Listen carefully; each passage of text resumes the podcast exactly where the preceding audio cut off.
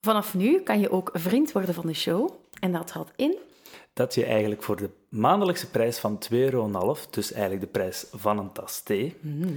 toegang krijgt tot extra bonusafleveringen en bonusmateriaal. En dan ben je ook gewoon... vriend van de show, Ja, en ons vriendje dus. eeuwige roem. En ehm, je zorgt er ook zo voor dat wij dit gewoon kunnen blijven doen. Dankjewel. Merci.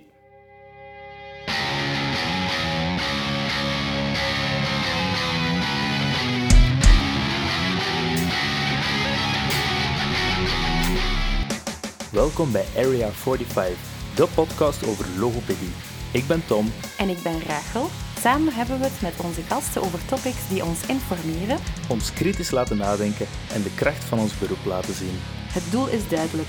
Hulpverleners binnen en buiten ons werkveld met elkaar verbinden. Hey, Hey, hallo. dat is lang geleden, hè? Amai zeg.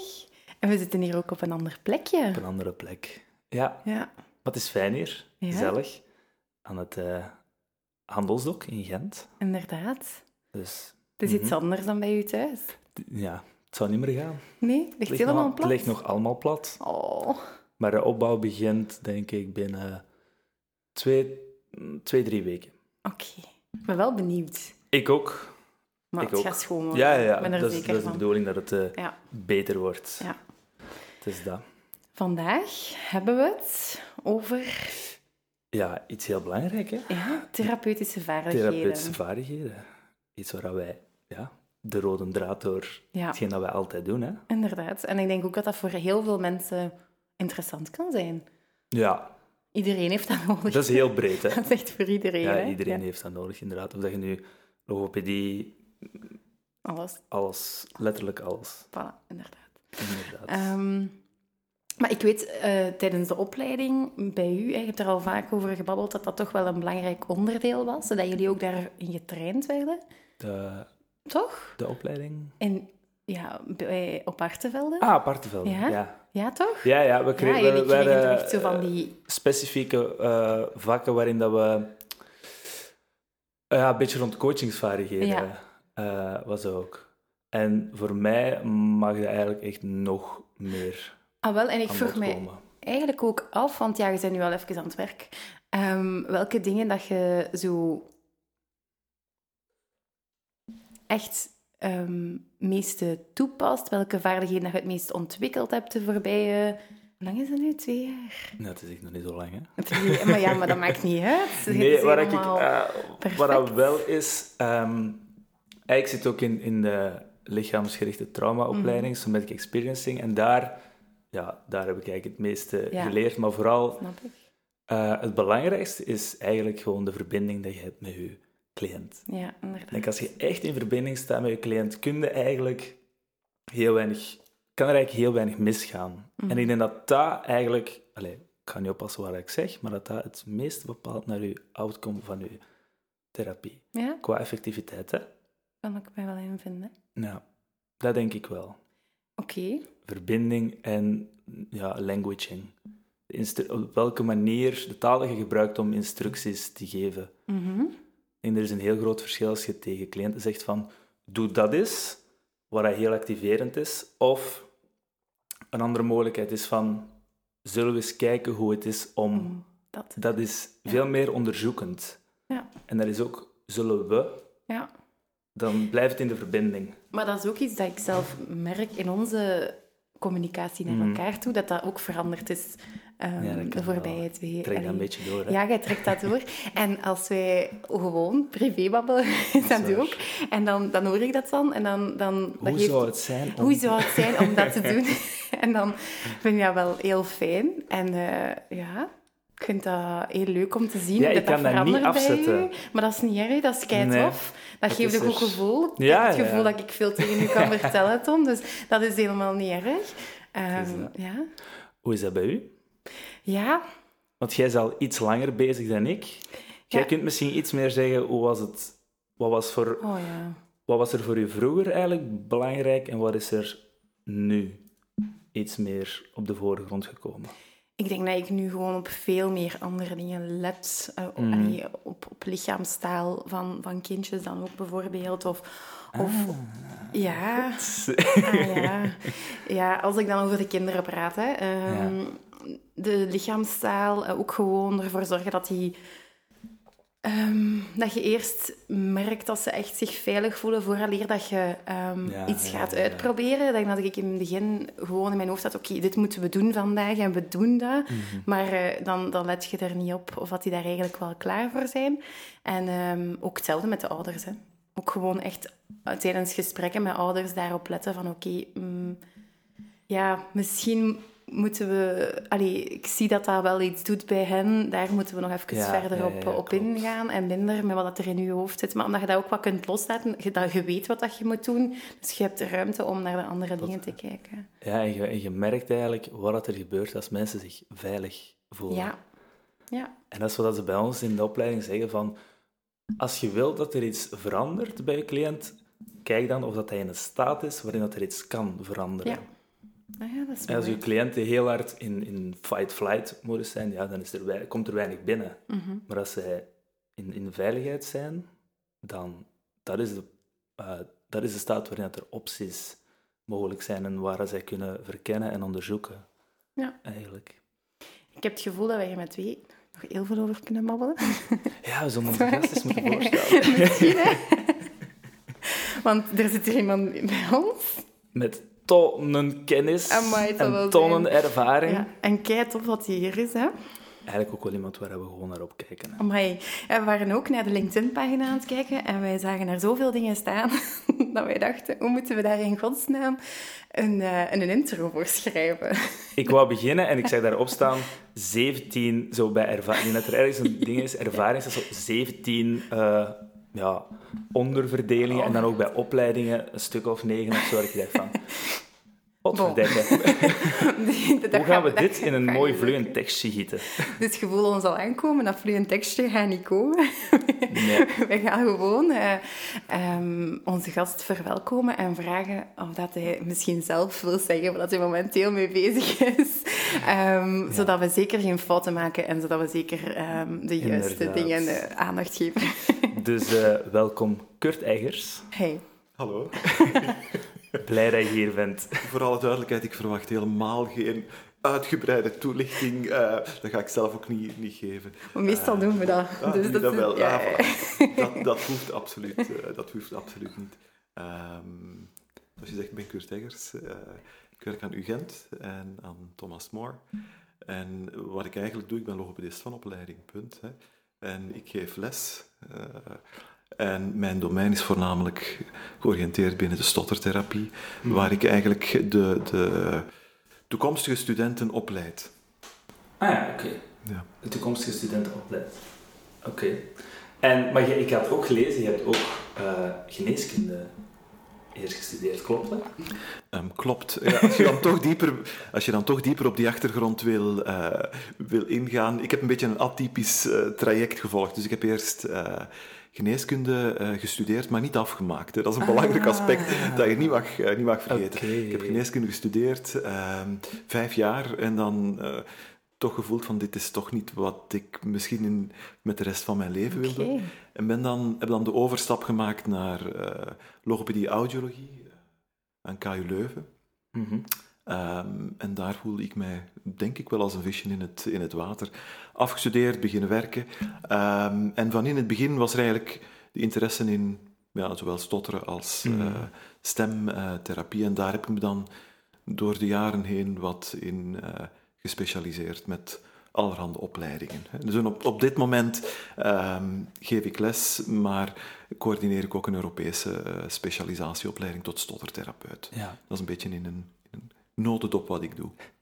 Ik ben nu even in uw verhaal een beetje blijven hangen bij... Ik weet, misschien, ik weet niet of je dat tof vindt dat we daar terug over beginnen, maar ik vind dat wel straf dat je na vijf jaar dan toch de beslissing neemt om iets anders te doen. Eigenlijk dat je dan vertrouwt op hetgeen wat je zoiets hebt van oké, nee, ik voel mij hier toch niet goed bij. En Ja. ja, Dat, dat, zijn de klassieke vragen die ik voorgeschoteld ja, is zo? Ah, krijg. Ja, ja absoluut. dat is gewoon echt iets ja. dat we in hoofd. Nu, hè, je moet je voorstellen dat ondertussen wel wat jaartjes geleden, hè, meer dan twintig jaar, meer dan twintig jaar geleden, dus uh, ja, dat was toen ook wel een behoorlijke, behoorlijke stap.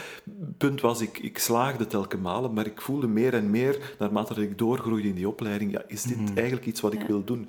En dat sluit, en dat is nu heel toevallig, maar dat sluit eigenlijk ook een stukje aan bij waar het vandaag over gaat, is um, toen binnen de geneeskundeopleiding, ja, dan was het eigenlijk de arts die bepaalde wat er moet gaan gebeuren. Ja. En was er veel minder het, ja, het gezamenlijk besluitvormingsproces. Hè. Mm. Um, en als ik daarop terugkijk, denk ik dat dat een van de aspecten was die meespeelde. Hè, van, is dit eigenlijk een, een, de relatie die ik wil hebben met uh, patiënten, cliënten? Mm. Um, en, en dat is een van de drijfveren geweest om, om mee een, een omslag te, uh, te hebben naar logopedie, audiologie. Ik wilde absoluut met, met cliënten blijven, mm. blijven werken. En in het begin twijfel je. Dus ik heb wel wat jaren getwijfeld van, ja, is, is dit echt wat ik wil doen? Um, mm. Maar na een paar jaar was ik daar absoluut uit. Dus ik uh, was zeer tevreden met mijn omslag. Absoluut. Ja. Dus er zat wel wat een verborgen therapeut in u dat jij toen Ja, dat- in de geneeskundeopleiding wel hebt leren kennen daaraan. Wel, ik, ik, in alle eerlijkheid denk ik, als je nu naar een geneeskundeopleiding kijkt, dat daar ook wel veel meer aandacht voor therapeutische vaardigheden Ja. en dergelijke meer zal inzitten. Maar ik spreek, ja, 25, eh, Mm. 30 jaar geleden, Ja. dus toen was dat toch wel ietsje anders. Hè. Ja, Ja. inderdaad. Ja, ik denk, dokters, er is nu inderdaad wel wat meer ruimte voor om, allee, om andere dingen nemen. meer Maar, maar maar ik, denk ook ja. nog niet zo heel veel hoor. We zouden dat een keer moeten vragen. Hoewel dat, dat wel echt een, allee, van, van grote waarde is als je een dokter hebt waarin dat je ook echt een band mee hebt en dat je ook echt opnieuw een, een, een veilig gevoel bij hebt en waarbij dat je dingen kunt, kunt delen. Ik weet dat ik vroeger een dokter had en als ik iets zei, dat die, die kon me echt de schuld geven van dingen. Maar dat is niet fijn. Ik kom niet naar een dokter om, om met, allee, ja, te zeggen wat ik fout doe. Ja, dat is waar. Dus ja. Ja, en daar is ook wel wat evidentie voor, voor wat je net zegt. Hè. Mhm. De, de, bijvoorbeeld binnen, binnen de psychiatrie. Hè. Er zijn wat leuke onderzoeken in Amerika uitgevoerd die eigenlijk aantonen dat een, een, eh, de beste psychiater is eigenlijk die psychiater die goede band opbouwt met zijn, met zijn Ja. cliënten. Ja. En eh, daar heb je vaak betere outcome of betere resultaten van therapie mee dan de, de, de therapeut die, die medicatie geeft. Hè. Eh, En, en dus Ja. de wijze waarop je met je cliënten, met je patiënten interageert, is, is wel cruciaal. Hè. Ja, ik zei het nu daarnet in een intro, het was, wat, het was van mijn bang hart dat ik het zei, maar ik heb wel het gevoel als je inderdaad die verbinding hebt en als je een mooie verbinding hebt met je cliënt, dat dat toch een van de grootste Zeker. bepalers zijn voor de outcome van je therapie. Of de effectiviteit. Ja, dat is, een, dat is een belangrijke factor. Dus niet de enige Dat is factor, gevoelsmatig. Dat maar het is, het is absoluut een Ja. belangrijke factor. En binnen bepaalde domeinen speelt dat eh, sterker dan binnen, binnen andere eh, domeinen. Ja. Eh, Mhm. Maar ik werk dan met cliënten die stotteren, met cliënten met stemproblemen, waar ja, dat emotioneel-cognitieve aspect toch ook wel een belangrijk, belangrijk luik is. En dan merk je gewoon dat eh, als je geen goede band hebt met die, met die cliënt, als je niet voldoende luistert naar wat, wat zeggen die ouders of wat zegt die cliënt Mm. nu zelf, ja, dan mis je soms zo, dan sla je de bal soms wel eens een keer mis. Ja. Ja, maar ik denk zelf dat je dat ook breder kunt zien. Hè. Ik, ben, ik werk daar momenteel ook niet meer mee, maar kinderen met een leerstoornis of met, met Absoluut. leermoeilijkheden, dat, dat is je dan als kind het gevoel krijgt dat je daar geen fouten mocht maken, of dat je therapeut ehm, er niet, ja, u niet ziet of zo. Allee, dat je dat die gewoon een blaadje geeft of een wassenspelletje speelt, maar niet echt met u in interactie gaat, denk ik dat je ook minder makkelijk gaat leren als je je niet veilig genoeg voelt om een fout te maken Mhm. te mogen maken. Ja. Absoluut. En, en als je kijkt naar, naar therapie, oké, we hebben een aantal handvaten die we kunnen gebruiken, hè, waarvan we weten, oké, als we techniek A, techniek B, techniek C Mm. toepassen, dat dat werkt. Maar de vraag is, is techniek A of techniek C wel geschikt voor ja, de cliënt die Ja. hier voor mijn neus zit? Dus je moet eigenlijk als therapeut heel goed gaan kijken en luisteren van, wat heeft de persoon die aan de andere kant van de tafel zit, niet jullie, hè, maar de cliënt, Ja, wat, heeft klopt. die, wat heeft die nodig? Ja, ja, Eh, en, en dat is denk ik wel een uitermate belangrijk. Hè? Dat de therapeut zelf ja, kritisch kijkt naar van, van wat kan ik nu bij deze cliënt eh, uit het brede arsenaal dat ik heb van middelen, wat is hier essentieel om toe te passen bij deze, Hmm. deze cliënt? Waar heb jij, als het nu echt gaat over zo'n therapeutische vaardigheden, jij hebt al veel meer ervaring dan wij. Wat was, waarin heb jij jezelf enorm zien groeien? Dat je denkt van nu, of toen je echt nog eh, met cliënten aan het werken waart, dat dat voor u echt nog meer belangrijker was dan dingen waarop dat je vroeger ging, eh, ging inzetten. Ja, dat is, dat is een moeilijke. Wat ik denk wat, wat mij voor het eerste ogen heeft toen, heeft toen open, jaren geleden, ehm, had ik een mogelijkheid om, om in Iowa wat, wat stage te gaan, te gaan lopen, Wendell Johnson eh, Institute. En mm, bij, Patricia Zebrowski was dat. En wat men daar deed, hè, ehm, op het einde van een therapiesessie, vroeg men eigenlijk aan de cliënt om feedback te geven over de therapeut. Hè. En dat waren, ook bij, bij jonge kinderen was dat. Hè. En dan was dat met smileys, bij volwassenen was het op een iets andere manier. En dat was voor mij, in alle eerlijkheid, eh, behoorlijk confronterend. Mhm. Ja. Ook soms om horen wat, wat de cliënten zeiden, was ook soms behoorlijk confronterend. Eh, maar je leert daar enorm veel uit. Hè. Heb ik voldoende geduid van waar het vandaag over gaat? Eh, is het voldoende duidelijk voor de ouders wat de focus van vandaag was? Eh, zijn ze tevreden met hoe ik dat gebracht heb? Dus dat was de eerste keer dat ik dacht van, hmm, er is meer dan ik, die heel veel kennis en vaardigheden heeft en het wel een keer voor de cliënt zal gaan, eh, zal gaan oplossen. Hè? Of het, het probleem zal, zal gaan oplossen. Het is eigenlijk op dat moment, ondertussen wel wat jaartjes geleden, dat ik ja, toch wel wat meer begin, beginnen nadenken ben van hey, eigenlijk moeten wij veel meer in interactie treden met die, met die cliënt. En als je vraagt van waar ben je het sterkst in gegroeid? Ik werk nu niet meer klinisch, Mm, hè. we hadden ja. het er daar juist Mm. eh, al even over. Maar ik denk als ik vergelijk toen dat ik afstudeerde en begon te werken, en 20, 25 Ja. jaar later, denk ik dat ik misschien geëvolueerd ben van, van een therapeut die dacht van, oh ja, eigenlijk weet ik wel veel wat ik zou kunnen doen met cliënten en ik ga ze wel, tussen aanhalingstekens, hun, hun spraakprobleem wel wat helpen verbeteren. Naar grondig luisteren, wat, wat heeft die persoon die voor mij zit, wat heeft die nu eigenlijk echt nodig? Wat, wat, vragen die Ja. ouders nu echt? Dus dat sluit eigenlijk perfect aan bij, bij wat je daar juist een stukje, een stukje Mhm. kaderde al wel. Hè. Ehm, ik denk, ik heb daar een zekere mate van maturiteit voor nodig. Maar ik denk dat het vrij belangrijk is om, om ook aan, aan jonge therapeuten, ik spreek telkens van therapeuten, jonge Ja. logopedisten, maar, maar therapeuten breder gezien ook Hmm. hen mee te geven van, van Het is een vrij beetje... jong. Hè. Het is een beetje je ego aan de kant zetten ook. Hè? Het is zo... eh, Je, als je afgestudeerd bent, wilt je je eigen ook een beetje overtuigen van... Oké, ik, ik weet, ik, ik moet het hier ook al... Ja. allee, ik, moet het, ik heb het hier nu allemaal geleerd, ik moet het nu wel allemaal weten. Ik ben persoonlijk iemand dat heel kritisch is naar mezelf toe. Dus dat in het begin ook... En nog altijd zeg ik heel vaak van... Ja, ik weet het ook niet.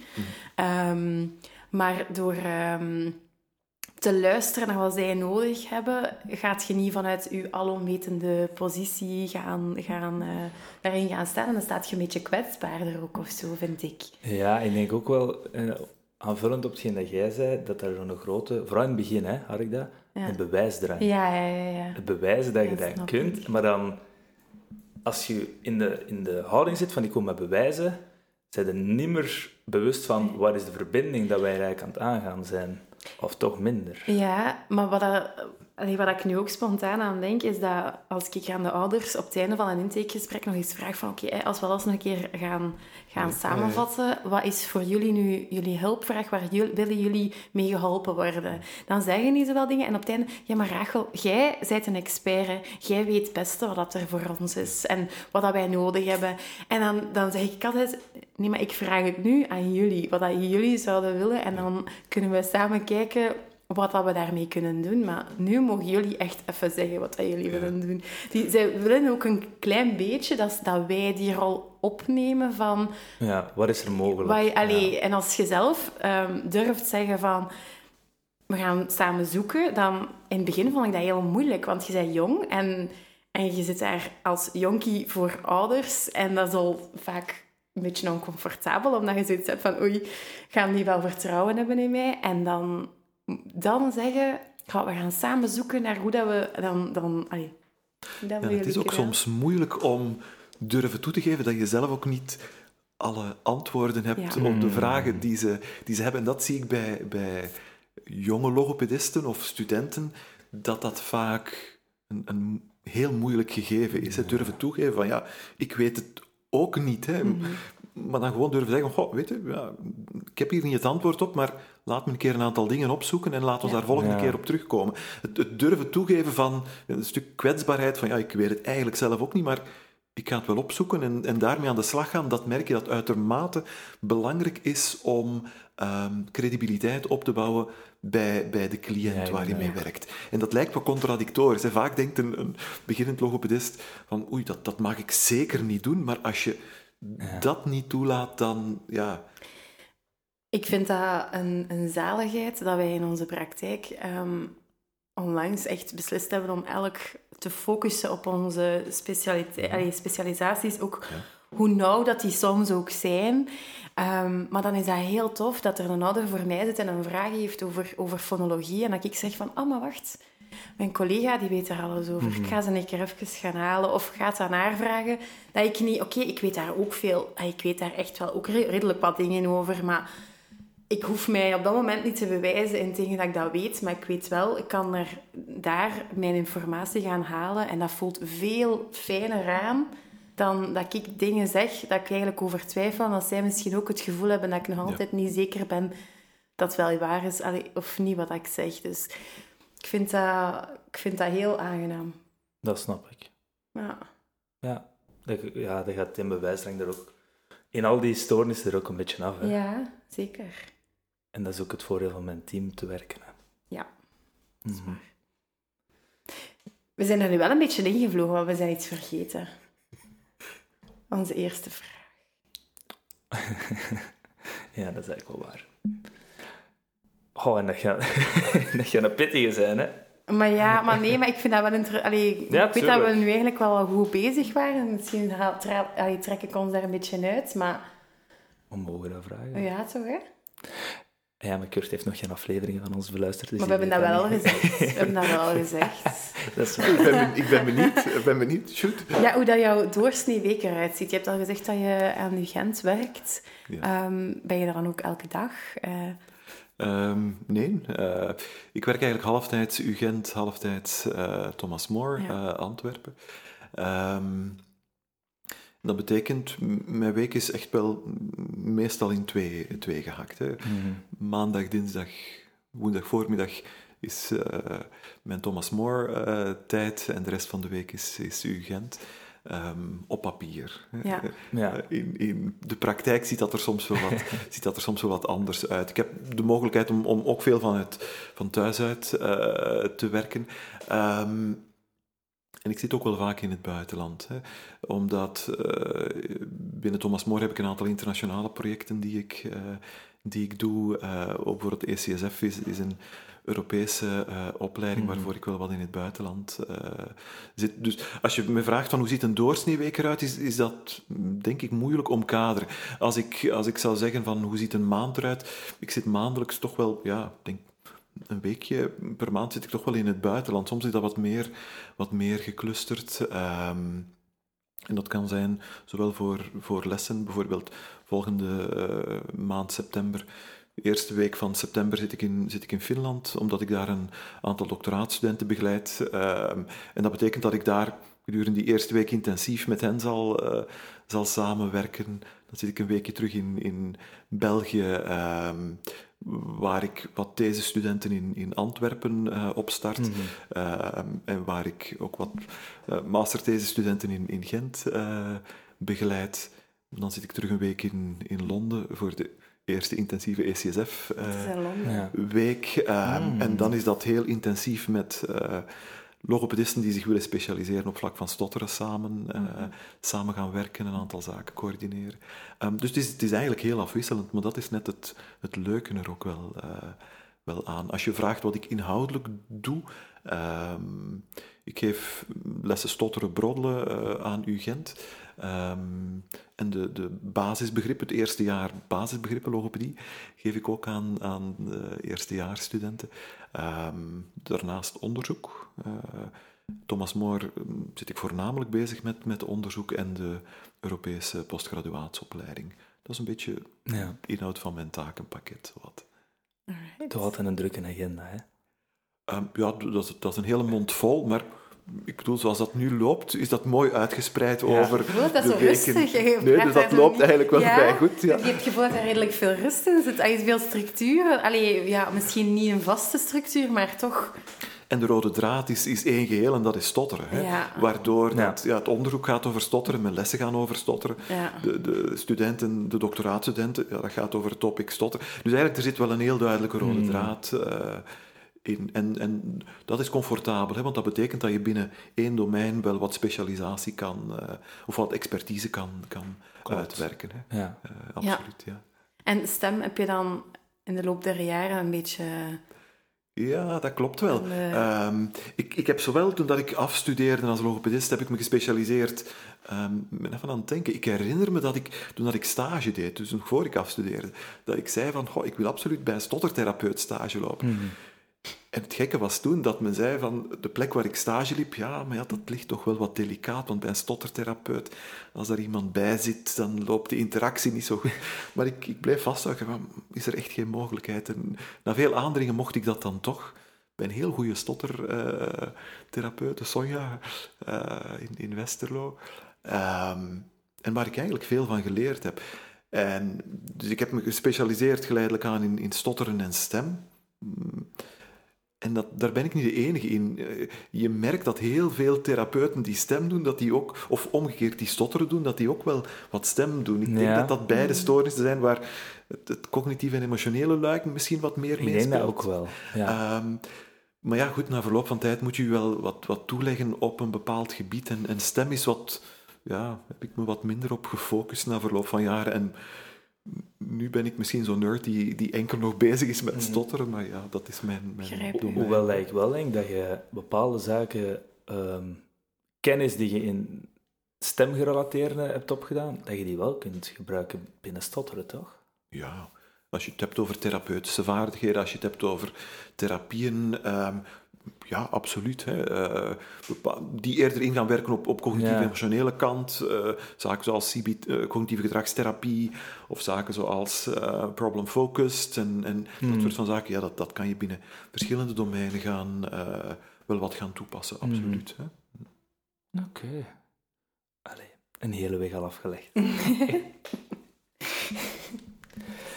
ja, um, waar ik...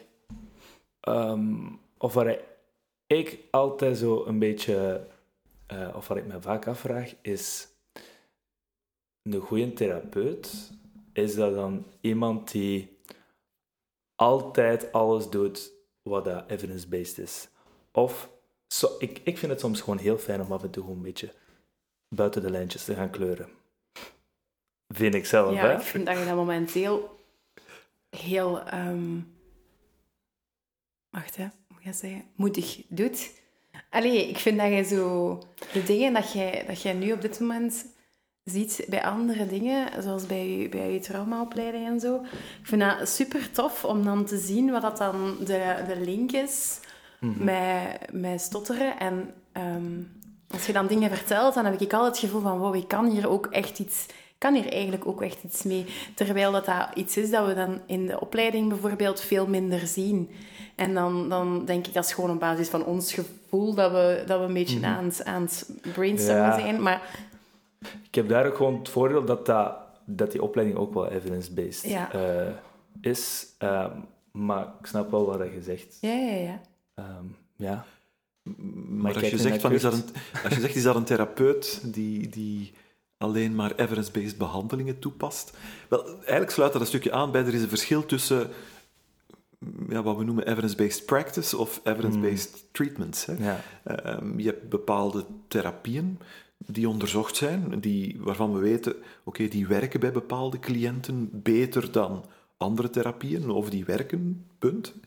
Ehm, maar dat is nog iets anders dan evidence-based practice. Hè. Daar heb je eigenlijk een, een, een kritische therapeut voor nodig die gaat nakijken van, kan ik bepaalde therapieën die hun ja, waarde hebben bewezen, laat het ons zo uitdrukken, ja, kan ik die toepassen bij de cliënt die voor mijn neus zit. Hè? Dus je hebt altijd een, een... Het begint bij een kritische therapeut. Uh, het is, het is vandaag al een paar keer, denk ik, het woord een aantal keer gevallen, maar ik denk dat dat een cruciale is. Hè. Het is altijd de therapeut die gaat moeten beslissen, um, kan ik die therapie toepassen bij de cliënt die voor mijn neus zit? Betekent dat die therapeut wel weet moet hebben van, voor wat is er evidentie? Ja. Hè? Maar daar als ik heden ten kijk, dan zie ik dat het daar vaak stopt. Hè. Dat, eh, dat logopedisten of dat therapeuten zich bekwamen, zich opleiden in een bepaalde benadering en dan die benadering gaan toepassen. En dan denk ik van ja, dat is goed, maar het is problematisch dat het daar stopt. Hè. Mhm. Want je hebt niet zoiets als... als ik denk dat zegt men one size fits all. Hè, dat bestaat niet, zo'n behandeling. Hè.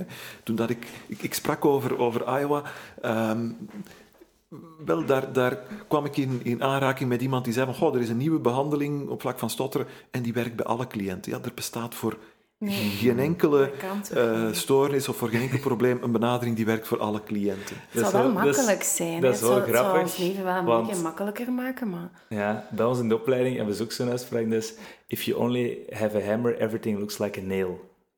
Ah, ja. Dat sluit daar ook een beetje ja, ja, ja. ja, ah, ja, ja. Um, en, en ik denk dat het belangrijk is om als, als therapeut zicht te hebben op, op verschillende benaderingen. Weet te hebben van, mm. je zei daar juist Rachel, ik werk binnen, binnen Stotteren. Um, weet te hebben van, um, oké, voor welke benadering is er evidentie? Maar dan nog, op basis van wat ga je beslissen dat je benadering A, B of C gaat, gaat toepassen? Hè? Um, twee, daarnaast zijn er ook een aantal dingen, wat jij net, net aanhaalt om, is van ja, er zijn mogelijk bepaalde zaken waarvan je denkt van, hey, dit zou ik bij deze cliënt wel eens een keer kunnen toepassen en een meerwaarde kunnen bieden, mhm. maar is er al onderzoek naar gedaan dat dat werkt? Nee, maar betekent het dan dat je dat niet moet doen?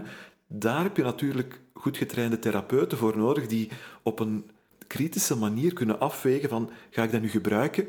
Eh, binnen, eh, binnen deze therapie ja dan nee. Anders mhm. kan je ook nooit vooruitgang boeken uh, na verloop van, van tijd natuurlijk. Uh, en geen nieuwe therapieën gaan ontwikkelen. Hè. Dus het is een beetje een, een combinatie weet hebben van, denk ik, wat werkt en wat werkt niet. Waar is er evidentie voor? Maar dat op een, ja, op een wel overwogen manier gaan toepassen met cliënten. Mm -hmm.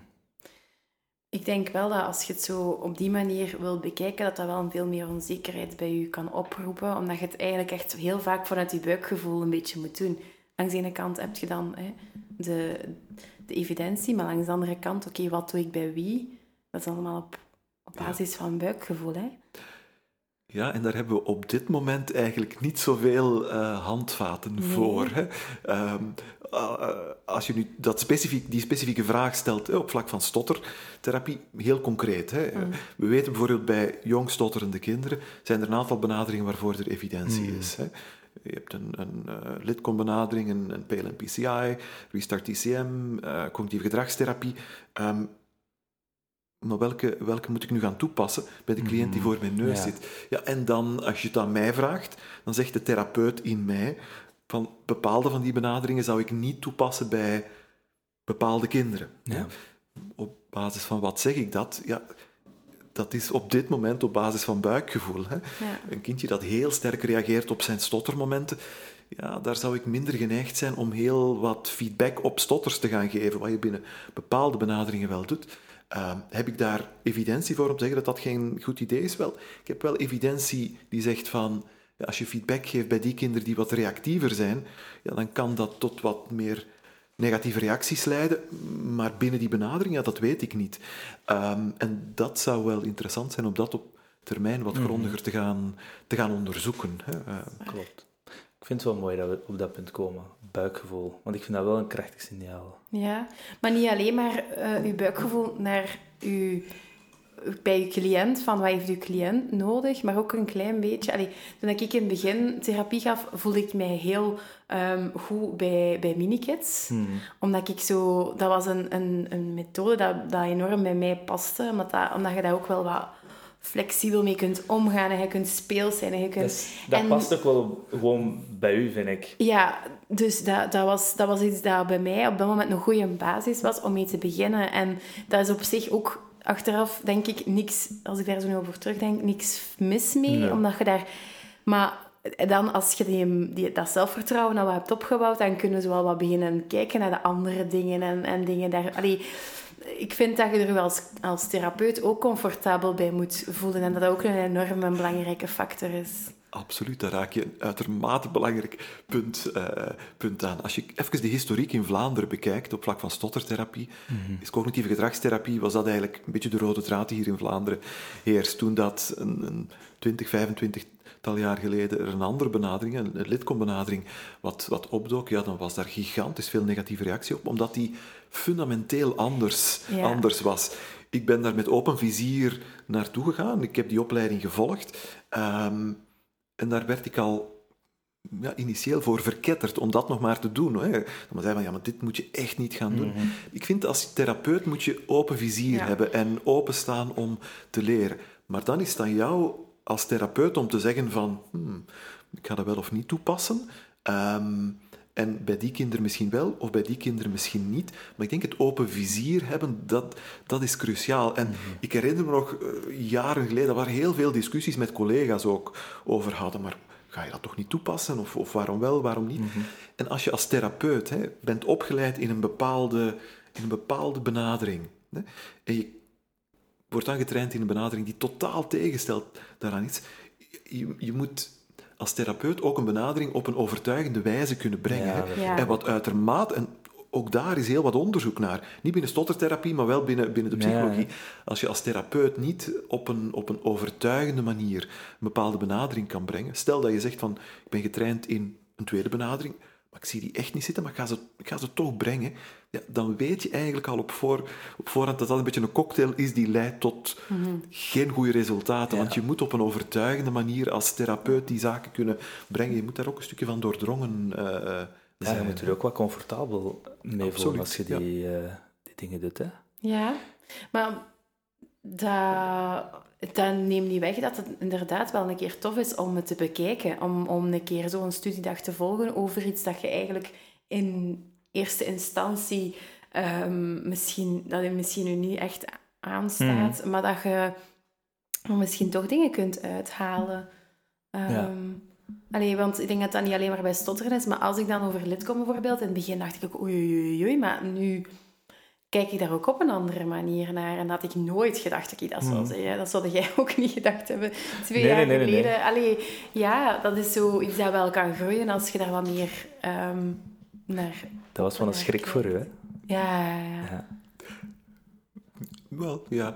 Als je, eh, je haalt nu zelf die, die benadering aan, hè, maar ehm, ik, ik denk wat belangrijk is, en dan kom je terug bij die kritische therapeut, hè, dat je leert kijken en probeert te achterhalen van, ja, waarom werkt nu iets? hè? Eh, ik pas een benader, bepaalde benadering toe, ik zie dat cliënten, eh, volwassen cliënten, of ik zie dat kinderen vooruit gaan. Ehm, waarom is dat? En als je dan evidentie hebt voor een totaal andere benadering, waarbij je merkt, ja, er is heel wat evidentie in de literatuur die aantoont die benadering werkt. Dan je een stapje verder probeert te kijken naar waarom werkt dat nu. En bijvoorbeeld die lidkombenadering waar je net ehm, allusie op, op maakt, ook daar zijn de mensen van Lidcom zelf nu wel bezig om te onderzoeken van waarom werkt dat nu. En het zou wel eens een keer kunnen zijn, en daar zijn al wel wat publicaties over, eh, en als je het vraagt aan, aan de, de psycholoog van, van de groep, ja, die zegt, ik vermoed dat het niet werkt omwille van wat wij dan noemen de contingencies, hè, dus het feedback gaan geven, maar dat het eerder met andere zaken te maken heeft. Ja, en, en dan wordt het net interessant, want dan komt het op het domein van wat we noemen de, de common factors. Hè. Als je verschillende therapiemethodes met elkaar gaat vergelijken hè, ehm, en je gaat onderzoeken waarom werken die, dat is eigenlijk binnen stotteren nog niet gebeurd, voor alle duidelijkheid, maar wel binnen, binnen de psychologie, ja, dan zie je dat binnen therapie of binnen efficiënte therapiemethodes, dat daar bepaalde ja, rode draden zitten, hè, ehm, die kenmerkend zijn voor al die therapieën. Ze mogen nog zo verschillend zijn, maar er zitten ja, eh, in het Engels spreken van common factors, hè, gezamenlijke factoren. En, en daar denk ik moeten we naar kijken om te weten van ja, waarom werkt dat nu? Waarom gaat een cliënt nu vooruit? En je begon daar straks met te zeggen, uh, de cliënt-therapeut-relatie, ja, dat is een van de cruciale componenten mhm. daarin. Er zijn er ook nog, nog andere, hè, maar dat, dat is een belangrijke. Absoluut. Waar ik, uh, want hij is wel even blijven uh, hangen, hetgeen dat je daarnet uh, zeg aangaf. Maar zeg maar ja.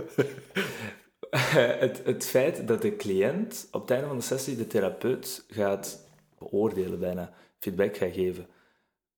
Wat vind je eigenlijk van dat, van dat gegeven?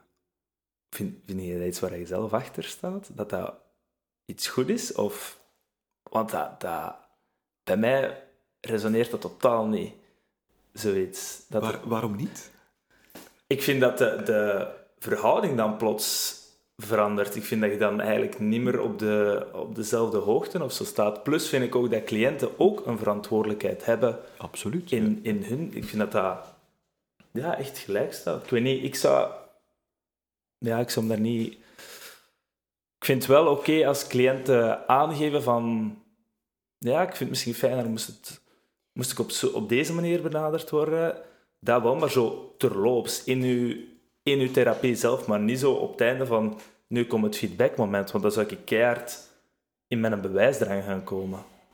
Ik denk dat als je zo een, een um, situatie creëert met je cliënten waarbij dat er veel omgeving is om zo'n dingen aan te halen, um, dat het dan automatisch komt. Dat die dat wel durven aangeven van, goh, misschien kunnen we het... Kan, allee, dat vond ik niet zo fijn. Of ik weet dat, dat ik ook een keer heb voorgehad dat een ouder tegen mij zei zit er niet bij hè, vandaag, Rachel, met je hoofd. En dat, en, en dat gebeurt soms. Zeker, het zal wel zijn. En het was ook zo.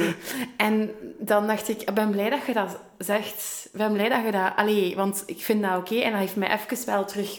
Ja, er wel terug bijgebracht. Maar ja, ik vond dat, dat goed. Dus, en ik denk ook dat je zou dat niet hebben met mensen dat het gevoel hebben dat je dan geen goede hmm. verhouding hebt. Of zo. Dus, maar, maar is dat er loops gebeurt. Ja. Ik denk dat je wat moet, moet nuanceren. Het is niet eh, op het einde dat je de vraag stelt van uh, was het goed of niet goed. Het is, het is wat genuanceerder. In de zin van vragen stellen, in de zin van heb ik voldoende duidelijk gemaakt van wat, het, wat, het, doel van therapie was. Was, het, was het doel van deze therapiesessie, was die duidelijk? Hè? Um, de, de technieken die we gehanteerd hebben, zijn die, zijn die duidelijk? Kan je die toepassen? Um, heb ik voldoende geduid waarom we hierop gaan hmm. werken.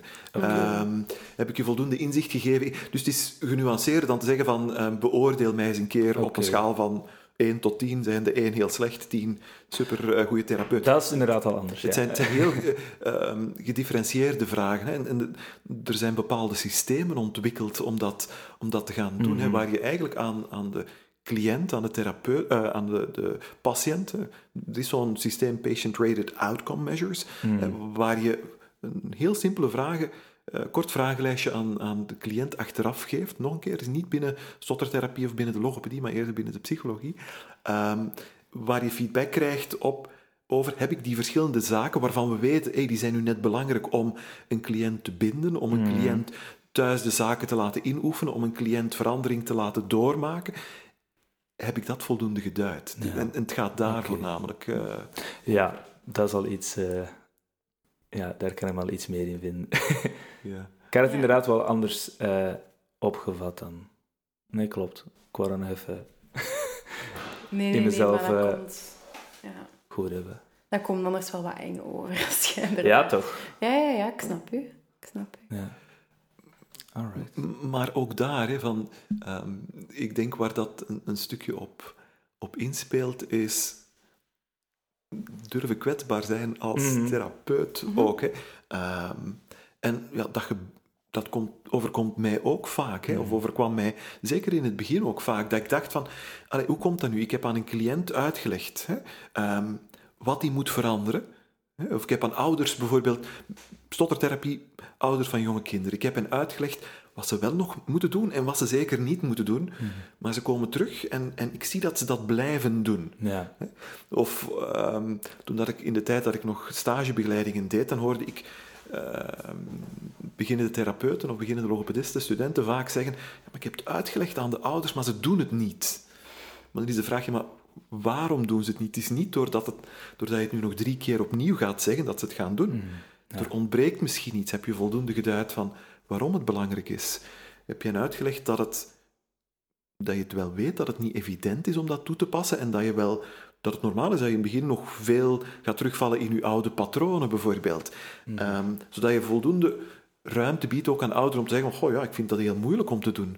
Hè, Dat ouders zich niet verplicht voelen om te zeggen, ja, ja, we hebben toegepast, maar uiteindelijk doen ze het niet. Hè. Dus, dus het zijn dat soort van zaken dat eigenlijk cruciaal zijn om uiteindelijk verandering teweeg te brengen. Wat we met z'n allen proberen te doen binnen therapie is een, een zekere verandering creëren. Verandering creëer je niet door tegen cliënten te zeggen wat ze moeten doen. Mm, En- nee, nee, nee. Als je vraagt waar ben ik, hè, denk ik misschien het meest ingegroeid, is dat ik initieel als therapeut afstudeerde en dacht van oké, bij stotteren doe je dit, bij stemproblemen doe je dat, Ja. bij dyslexie gaan we het zo aanpakken en ik zeg tegen de cliënt dat moet je doen. Bijna dat medische model. Hè. Ik geef het pilletje, ik Ja. druk het nu wat, wat anekdotisch uit, ik geef het pilletje en dan Ja, verbetert de, de, de patiënt, in ons geval de cliënt. Mhm. Ehm, maar als je gedrag, hè, wat, wat ja, heel moeilijk is om te veranderen, hè. je moet zelf maar eens een keer iets proberen te veranderen. Als je gedrag van cliënten of van ouders wil veranderen, ja, dat vraagt wel wat meer dan gewoon zeggen van dat moet je doen. Ja, tuurlijk. Hè, Je moet hen motiveren, je moet Ja. hen hoop bieden, je moet hen zeggen van ja, het zal niet evident zijn, eh ruimte ja. bieden om dat, om dat bespreekbaar te maken. Klopt. Dat is echt waar. Hetgeen dat je zei van die kwetsbaarheid is inderdaad wel... ehm, ik vind dat ook dat dat opening biedt om inderdaad nog die, die, die band dat je samen met je cliënt hebt sterker eh, te maken. Ik weet nog zelf als ik onlangs ehm mijn cliënt zo eh Safe and Sound protocol deed, want dat is ook de eerste keer dat ik dat ging doen, had ik ook aangegeven wat dat, dat, hoe dat, dat bij mij aanvoelde, dat ik dat zelf spannend vond. En gemerkt dat dat zo, die interactie en die verbinding, dat dat veel sterker werd door een stuk ja, zelf in die positie te gaan staan. En, en het is een beetje op een, op een slappe koord wat balanceren. Hè? Want natuurlijk, een, ehm, cliënten of ouders verwachten ook geen therapeut die zegt: Oh ja, eigenlijk weet ik het allemaal niet, we zullen dit eens proberen. nee, nee, nee, of we zullen dat proberen. Ze verwachten natuurlijk wel een cliënt die een zekere mate van expertise heeft en die hen ook wel een duidelijke route uitstippelt. Ehm, maar aan de andere kant verwacht je ook geen therapeut die de route volledig alleen uitstippelt. Hè, maar die, die, gezamenlijk, die dat pad Ja. gezamenlijk met de cliënt, gezamenlijk met de ouders van de cliënt gaat uitstippelen. En het is een beetje balanceren op, op die slappe koord wat. Hè. En, en wat niet makkelijk is. En, en voor een beginnend therapeut is dat, is dat echt wel wat zoeken. Ik vind dat, ja, ik vind dat ook mooi dat je zegt gezamenlijk. Want in het begin heb je zoiets van, ik moet dat hier oplossen. Ja. En je hebt net je cliënt keihard nodig om, om samen die route te gaan vinden. En samen die veranderingen te... te allee, ervoor zorgen dat die veranderingen er komen. Want sinds kort zit ik soms ook in de positie als ouder van een cliënt, omdat mijn dochtertje ook voor bepaalde dingen met mijn collega's gaat. En ik vind dat super leerrijk, want eh, dan zit ik daar... ehm, ik heb echt vorige week, nee, twee weken geleden, echt ook aan de andere kant gezeten. Dus zij naar een bureau en ik dan eh, samen met de papa van mijn dochter aan de andere kant. En dat was... Dat was ik heb daarna ook gezegd van, wij gaan er zo van uit dat alles wat dat, wat dat je zegt, dat dat binnenkomt. En je zegt van, je moet zoveel keer per week oefenen en dat dat dan maar gebeurt. Maar geloof mij, ik ben keihard gemotiveerd, maar het lukt mij ook niet om dat allemaal te doen wat dat wij eigenlijk verwachten. En dat is iets dat... Ja, soms zeg ik dat dan ook tegen ouders. Van, kijk, ik begrijp dat dat kei moeilijk is en ik snap dat. En dan, dan merk je ook dat zij durven de volgende keer te komen van Rachel, ik weet het, ik ben super gemotiveerd, maar het is niet gelukt om dat en dat en dat te doen. En Maar- dat, Ja, want dat, dat is net, daar raak je denk ik een uitermate belangrijk ding aan. Als ik ehm, bijvoorbeeld kijk in mijn, in mijn klinische werk, hè, ik herinner me op het moment hè, dat ik zelf kinderen had, die begonnen op te groeien. Op dat moment realiseerde ik mij dat ik soms aan ouders dingen gevraagd had waarvan ik dacht van, potverdorie, als een therapeut mij dat zou vragen, ja, hoe, hoe zou ik dat klaargespeeld hebben? Hè? Dat ik zeg van, zorg dat je elke dag dat en dat en dat oefent. Ja, je, je moet de kinderen oppikken van school, je moet thuis, je komt thuis eten maken, Ja, huiswerk maken. En denk van, ja, hoe doe je dat? En wat ik probeer aan, aan studenten toch wel te duiden, is van... ehm, leg ouders dat ook uit. Hè, van, ehm, en dan de eerste vraag die ik krijg, of die studenten dan zeggen van, ja, maar we hebben zelf geen kinderen, hoe kunnen we dat? Wel, dan zeg je van, ja, zeg dan heel simpel, ik heb zelf geen kinderen, dus het kan Tuurlijk. gerust zijn dat wat Ja, ik vraag, ja. dat dat misschien niet haalbaar is. Wees open en durf gerust zeggen als dat te moeilijk is. Hè. Wat ik vaak deed als, als therapeut, omdat ik wel kinderen had, dat ik zei van, ik, ik vraag u een aantal dingen om te doen, maar ik weet dat het, wat jij net zegt, hè, Rachel, ik weet dat het niet altijd makkelijk is. Ik heb zelf eh, jonge gasten, dus dat is niet evident. Zeg mij wat haalbaar is en wat niet haalbaar is. En dan gaan we samen kijken van wat het meest cruciale is om te doen. Want dat is net wat men noemt hè, die die shared clinical decision making. Het gezamenlijk dat proces gaan, Ja. gaan uitzoeken. Hè. En, maar het is belangrijk omdat dat jonge therapeuten dat ook kunnen. Hè. En, maar is die kwetsbaarheid ook tonen. Van, ja, ik, heb geen, ik heb op dit moment nog geen kinderen, dus ik kan gerust zijn dat wat ik vraag, dat dat niet haalbaar is of zeer moeilijk. Maar het is dan aan u om te zeggen van wat kan wel of wat kan niet. En dan, dan, zoeken, we, dan zoeken we gezamenlijk naar waar zijn mogelijkheden bijvoorbeeld. Dat, dat Ja, is klopt. heel, heel belangrijk om dat, eh, om dat te doen. Hè. Ik weet het. Ja. Ja, en die prioriteiten ook. Hè. Als je iets verwacht van verandering, dan, dan je, kunt, je hebt in je hoofd heel, al, heel dat lijstje van allemaal dingen dat je graag wilt dat er, dat er gebeurt. Of dat je, heel, dat je ziet van dat is echt noodzakelijk dat er gebeurt. Maar soms is het niet allemaal nodig. En als je met je cliënt duidelijk, bij je cliënt duidelijk kunt maken van dat zijn heel belangrijke dingen, probeer daarop te focussen, dan eh, is dat wel... Ik, ik heb in mijn klinisch werk, en dat was een groep waar ik uitermate graag mee, mee werkte, met, met adolescenten eh, gewerkt, hè, 15, 16, 17-jarigen. En mijn eerste vraag was dan altijd van, eh, want vaak hebben ze dan al heel wat therapieën gevolgd. En dan zei ik ook van, ik vermoed dat je al heel veel therapie gevolgd eh, hebt. En vaak kwamen ze dan, hè, de vader of de moeder, die zei van, "Goh, hij moet therapie komen volgen. Ehm, en dan zei ik van, op het einde van deze sessie gaan we niet zeggen wat we, wat we volgende therapie gaan doen. Hè.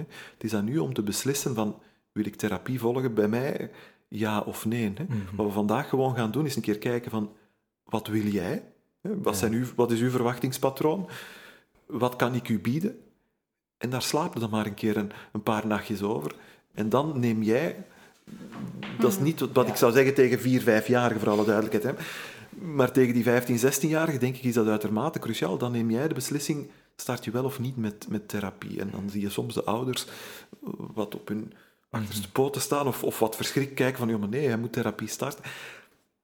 Maar zo krijg je cliënten wel gemotiveerd om te starten. En zeker als iemand al heel wat jaren therapie achter de rug heeft, dan is het grote gevaar ja, dat, je, dat je terug met dezelfde therapieën gaat starten. Vraag aan cliënten, wa- wat, werkt voor, wat, wat heb je al gedaan en wat werkte en wat werkte niet? En dan nog de tweede vraag van, en wat vonden aangenaam om te doen of niet aangenaam? Ik heb cliënten gehad die zeiden, goh, weet je, als ik technieken, spreektechnieken toepas, nou, dan kan ik mijn stotter perfect onder controle houden. Dus als ik de vraag stel van, wat werkt goed? Oh, ja, ik kan technieken toepassen en dat werkt goed. Maar als ik dan de vraag stelde van, wat pas je graag toe? Wat, wat ligt u? Ja, dan waren er die zeiden van, goh, ja, maar ik doe dat eigenlijk niet graag. Als ik iets moet gaan bestellen en ik moet aan mijn technieken denken, goh, ja, Ja, dat ben ik niet. Ja. Hè. Ja, en, en dan heb je net een goede basis om te weten van oké, wat, wat kunt je nu met die cliënt gaan doen? Alsjeblieft niet terug dezelfde technieken gaan inoefenen, Nee, nee, want dat, dat is niet wat die cliënt op dit moment nodig heeft. Hè. Ik vind dat, ik vind dat wel een goeie, hetgeen, dat je, hetgeen dat je net zei. Want ik, heb dat, ik doe dat ook bij veel, allee, omdat ik dan vooral met volwassenen werk, ook met adolescenten. Daar is dat zij eigenlijk elke sessie een hulpvraag moeten hebben van Ja. wat wilt jij vandaag onderzoeken? Want anders, eh, ik heb dat tegen u ook al vaak Ja. gezegd, Rachel, komen zo cliënten binnen en die zetten zich neer en die kijken zo naar u van, boom, wat gaan we vandaag doen? Ja. Maar dan, komt, dan is het plots mijn, helemaal mijn verantwoordelijkheid. Terwijl dat door dat een beetje om te draaien, gaan zij ook zelf kijken van oké, wat is voor mij eigenlijk prioritair om vandaag te bekijken? Als ik het zo een beetje versta, hè? Absoluut. En, en ik zeg vaak tegen, cli- tegen cliënten, als we het over adolescenten hebben, ehm, vaak op een beetje een, een ja, wat uitdagende manier, want je moet die gasten natuurlijk wel meekrijgen. Ehm, vaak op een wat uitdagende manier van, ja, wat ik kan doen is u gewoon wat paden aanreiken of u wat proberen te helpen, maar uiteindelijk, en dat besef ik maar al te goed, jij bent degene die het gaat moeten doen. Ja, dus dan leun ik, vaak, leun ik vaak wat achterover en zeg van, kijk, ik kan u een aantal Ja, tips ja, geven ja, ja. en daar stopt het. Hè. Maar jij gaat het moeten gaan, gaan doen, dus verwacht van mij niet de mirakeloplossing. Jij gaat het zware werk moeten gaan doen. Jij gaat degene zijn die zit te zweten en die zit te puffen en die gaat zeggen van, potverdorie, wat heeft u me weer laten doen? Maar dat zijn de stappen die je moet zetten om, ik zal u... Ik zal u helpen hè, en ik zal mijn uiterste best doen om te zorgen dat dat lukt, al die stappen. Dat is mijn taak. Hè. Ik coach u. Maar jij gaat wel degene zijn die, die het moet gaan doen. En, en dat is denk ik wat, wat belangrijk is om cliënten mee te krijgen binnen, binnen therapie. Als je het dan hebt over wat oudere Ja. cliënten. hè. Ja, inderdaad. Dat is, ik denk, de meest onaangename sessies als therapeut zijn diegene Ja. waarin dat je zelf keihard aan het werken bent. Waarin dat jij constant je cliënt een beetje aan het pushen bent om dingen te doen. En Dat is ja, gewoon zo frustrerend. Dat Ja, je dan voilà. zo keihard je best het is zo het gevoel van oké, en dan de week daarna komen die terug en dan zie je die en dan denk je, maar wat heb ik de vorige keer Ja, gedaan? Er is er gewoon niks blijven hangen en dan besef je van nee, dit moet ik gewoon niet meer doen. we moeten wat Je moet echt, je- ja, en dat zijn dan de dingen dat je leert.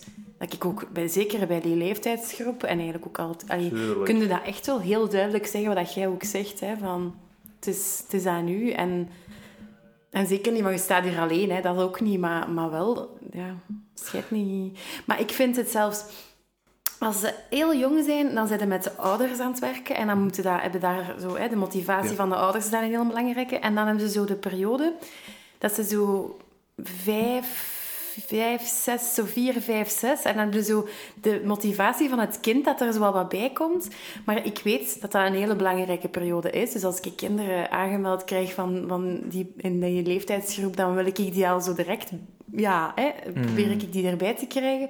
Maar ik heb nu onlangs een ervaring gehad met een jongetje dat dan een half jaar bijna niet op therapie was geweest. En die is nu zeven.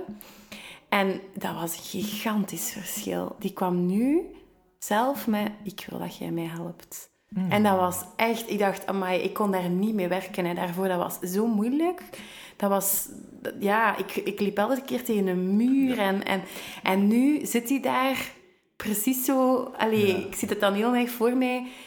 Ja, een deur dat open staat. Hè. Je kunt dat... En, en dat ligt daar zo in het midden. En we gaan dat samen aan werken. En dat, dat is zoveel leuker is dan... mooi, eh, ja, dat dat ja, dat is heel tof. Ja. Maar dat, dat sluit een stukje aan bij, ja, is, is een cliënt klaar Ja. om al die stappen hè, daar juist te zetten? Ja, dan nee, daar juist verwees ik naar van, ja, ik ben niet degene die het moet doen, jij gaat het uiteindelijk moeten doen, maar je merkt dat je gaat cliënten hebben die daar echt klaar voor zijn, of je gaat cliënten hebben die zeggen van, hmm, ja, ik ben erover aan het nadenken, maar nou, de stappen die je mij voorstelt, zelfs al heb je heel kleine subdoelstellingen en je, je, je, je goals, je doelen heel mooi opgesplitst, Mhm. Ehm, zelfs dan nog heb je soms cliënten die zeggen, oh ja, ik vind het toch te moeilijk. En zelfs al ga je mee in buitensituaties en dergelijke meer. Sluit een stukje aan bij, bij ehm, wat we noemen stages of change. Hè. Een Ja. cliënt kan in verschillende stadia zitten en, en eh, er nog maar over aan het nadenken zijn. Ehm, dat is net hetzelfde iemand die wat kilo's wil verliezen. Dat kan zijn dat hij zegt van, oh ja, ik zou een keer op mijn gewicht moeten gaan letten. Of je hebt mensen die al echt bezig zijn in wat ze noemen in activation stage, die die echt al eh, op hun eten aan het letten zijn, wat meer aan het bewegen zijn. Wel, dat heb je op vlak van, van cliënten heb je dat evenzeer. Hè.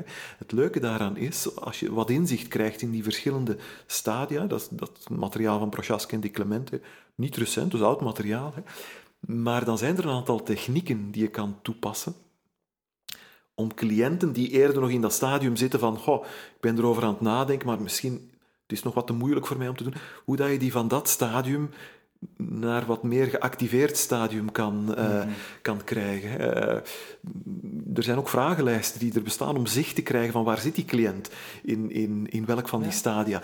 We, we zijn met, met collega's uit, uit Amerika ehm, die vragenlijsten aan het vertalen op dit... Eigenlijk, de vragenlijsten zijn vertaald, we zijn ze nu aan het valideren, eh, hier voor, voor Vlaanderen-Nederland. En we denken ook aan het uitwerken van die specifieke vragenlijst, want die is voornamelijk voor adolescenten en, en volwassenen eh, uitgewerkt, om eigenlijk een gelijkaardige vragenlijst ook voor ja, ouders van kinderen gaan Ja. uit eh, Ja. te werken. Dus daar zijn we... De bedoeling is om daar het komende jaar of de komende jaren wat gaan aan te, te werken. Maar ja, ik, ik haal het nu even aan, omdat dat eigenlijk aansluit bij wat je net, eh, bij wat je net aanhaalde. Dat is een hele belangrijke, hè? want ouders kunnen soms heel ongerust zijn. en, maar dan nog altijd met het dingen zitten van... Ik moet hier niets veranderen, jij gaat het allee, oplossen. En, en, maar allee, ook, wat ik ook snap, hè, want ik denk dat dat een beetje is vanuit, vanuit de maatschappij of zo. Je gaat ook naar een dokter en een dokter geeft je een pilletje of, of geeft je een, een, een voorschrift voor eh kine of zo. En dan, allee, die, maar wij zijn zo niet. We moeten dat niet. Wij komen, komen niet bij ons om alles opgelost te krijgen. Maar ehm, dat is eh, heel belangrijk om te weten in welke mate dat ouders bereid zijn op dit moment om veranderingen toe te passen. En, En, en wel, ik zou durven zeggen, ouders komen misschien wel met het idee naar een logopedist of naar een therapeut om het opgelost te krijgen. En vragen dat ook als dusdanig. Ik, ik herinner me heel wat ouders die, of heel wat vaders die vroegen van en hoe lang duurt het nu om daarvan af te geraken? We spreken van een paar weken of is dat een paar maanden? Hè? Dat is wel degelijk, ik wil een Ja. oplossing eh, er, ervoor. Hè? Eh, maar als logopedist hebben we niet het pilletje dat we kunnen geven. We kunnen niet knippen, eh, snijden. Ja, we moeten dat gedrag gaan veranderen. En dat, dat vergt gewoon veel, veel meer tijd. En daar zijn een ander arsenaal aan middelen dat we daarvoor nodig hebben om dat te gaan veranderen dan wat een arts doet. Dat is weer een keer het verschil tussen dat medisch model en, en ja, dat wat we noemen gedragstherapeut of het contextueel eh, model. Hè. Het medisch model is eerder van, ah, dit is het probleem eh, en we geven een pilletje of we snijden iets weg en dan is het probleem opgelost. Zo werkt het niet als je gedrag moet gaan aanpassen. Eh, dat Nee, dat nee, is wat nee. complexer. Eh, Klopt. Ik weet zelfs, ehm, we hebben een, een eh, dat is geen teacher, maar dat is ook wel een eh traumatherapeut die zo ehm, vooral echt in groepen werkt. En ik weet dat hij op een congres zei van als mensen, als cliënten komen en die vragen van hoe lang gaat de therapie duren?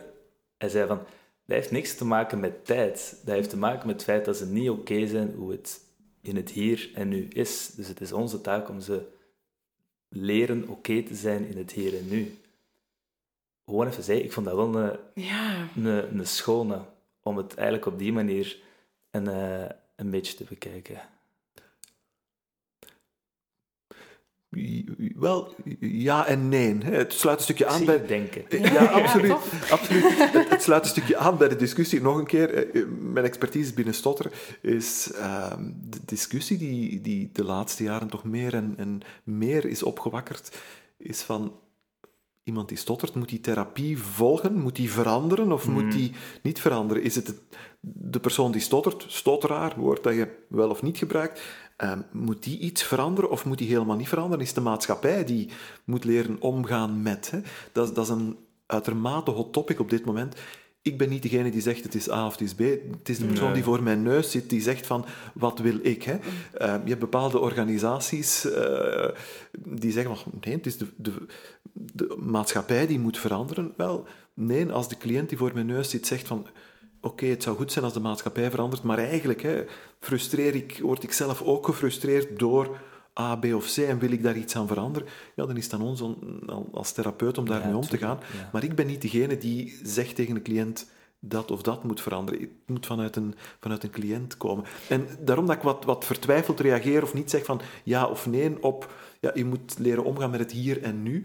Want voor sommige cliënten is, dat zo- makkelijker. dan ja. eventueel iets te Het is, het is niet zozeer van leren omgaan, het is meer van een stuk meer leren verbinden met het hier en nu en Ja. van hieruit gaan werken. Gaan werken. Oké, ah, ja, oké. ja, ja, ja, Ja, ja. dat Op die is dat, manier. hè. Ja. Ja. Ik had het moeten nuanceren. maar Nee, nee, nee, maar ik denk inderdaad, want het is niet van... Dat gaat ook over Zet trauma natuurlijk. akkoord, wat er nu... Allee, want dan Ja. is dat is denk ik... Nee, nee, nee, nee. nee. eh, Ik denk inderdaad ook dat het A en B is. Het is beide, want het is niet plezant als jij aan het desensitiseren bent met je cliënt over het stotteren en die is de volgende dag keihard uitgelachen in zijn gezicht. Dat, allee, ja, dan zit je ook met A en B bezig, maar dat is gewoon niet. Tuurlijk wil dat de maatschappij ook daar een beetje Mm. vooruitgang in boekt. En ik denk dat we daar nu wel allee, hoopvol naar kunnen kijken, dat het Mm. wel eh wat aan het groeien is naar zo'n Ja. zaken. Maar ik denk dat dat met heel veel dingen is. Hè. Niet alleen maar bij stotter. Als ik dan zo denk aan, aan stemcliënten, aan trans Ja, transpersonen en zo. En ja. je kunt ook zeggen, ja, ze moet, allee, de maatschappij moet zich aanpassen aan, aan een, een, eh, ja, een transpersoon, een transvrouw met een mannelijke stem, allee, of met een lage stem. Maar dan als die persoon zich helemaal nog niet genoeg vrouw voelt... Ik ben even eh, zo hard mijn woorden aan het wikken, maar... ehm, en heel graag eh, wil dat de stem meer in het vrouwelijk spectrum past. Ja, die zijn daar aan het en Eh, wegen. Ja, maar wat ik ja, ik weet waarom dat je ehm, dat doet. Ja, dat, allee, dan is het niet aan ons om te zeggen van, hé, je moet er maar mee... Allee, je moet er maar mee leren leven. Ja, nee, je kunt dit dan toch proberen helpen als hij dat graag wil. Gaat weer gewoon naar die hulp vragen. Hè. Maar het is ook weer mooi dat we daarin ook nu mensen hebben die daarin gespecialiseerd Ja, dat zijn. Ik denk dat we daar twintig jaar geleden niet over moesten over spreken, over zo'n topic. Nee, inderdaad. Wat ik mij wel realiseer, is dat wij eigenlijk nooit gezegd hebben wat dat therapeutische vaardigheden juist zijn. En we kunnen dat nu doen. Kunnen we nog eens even zo... Allee, ik weet niet... Wat ja. is dat eigenlijk? Wat zijn dat eigenlijk? Want ja, Zoek voor ons is dat wel ja. duidelijk, maar, maar moeten we dat misschien nog eens even heel Ja. kort... Hoe zouden dat in mensentaal hoe zouden dat kunnen uitleggen? Als ik dat aan mijn mama uitleg. Dat, is, dat, is niet zo, dat is niet zo evident. hè. Nee, ik Eh, weet het, maar... Ehm, Als je het aan mij vraagt om dat in een notendop te zeggen, een, een therapeut met goede therapeutische vaardigheden is iemand die kritisch is. En niet kritisch naar de cliënt, maar naar zichzelf, naar zijn eigen, naar zijn eigen handelen. Hè. Ehm, die een, een grondige bagage heeft, dus die een heel goed rugzakje heeft, die heel goed weet van wat kan ik toepassen, wat kan ik niet, eh, wat is geen goed idee om, om toe te passen. Bijvoorbeeld, eh, een aantal therapieën bij stotter, daar is evidentie voor. Ademhalingstraining moet je niet gaan geven bij stotter, want dan weten we dat daar geen, geen enkele evidentie voor is. Dus dat soort van basiskennis hebben. Ehm, maar, maar dat zijn wat mij betreft geen therapeutische vaardigheden. Hè. Dan ben je getraind in een bepaalde techniek gaan toepassen. En dat, dat moet er ook zijn. Hè? We moeten die, die eh, aspecten hebben. Maar daarnaast spelen andere zaken mee. Eh, zoals ja, zelfkritiek, zoals ik daar juist eh, zei. Dus om een goede, eh, efficiënte therapeut te zijn, denk ik dat je, dat je een kritische therapeut moet zijn. Dat is het aller, niet het allerbelangrijkste, belangrijkste, maar dat is een van de, de belangrijke aspecten. Wat speelt daarnaast nog mee? Ehm, ja, luistervaardigheid bijvoorbeeld. Kunnen luisteren naar uw cliënt, kunnen luisteren naar die cliënt, cliënt zijn ouders, van wat is de hulp, ehm, hulpvraag. ehm, op een, een, een zekere hoop gaan bieden aan cliënten. Dat ze weten van, oké, als ik daar therapie ga volgen, eh, wat ik wil bereiken, kan ik ook bereiken bij die, bij die cliënt.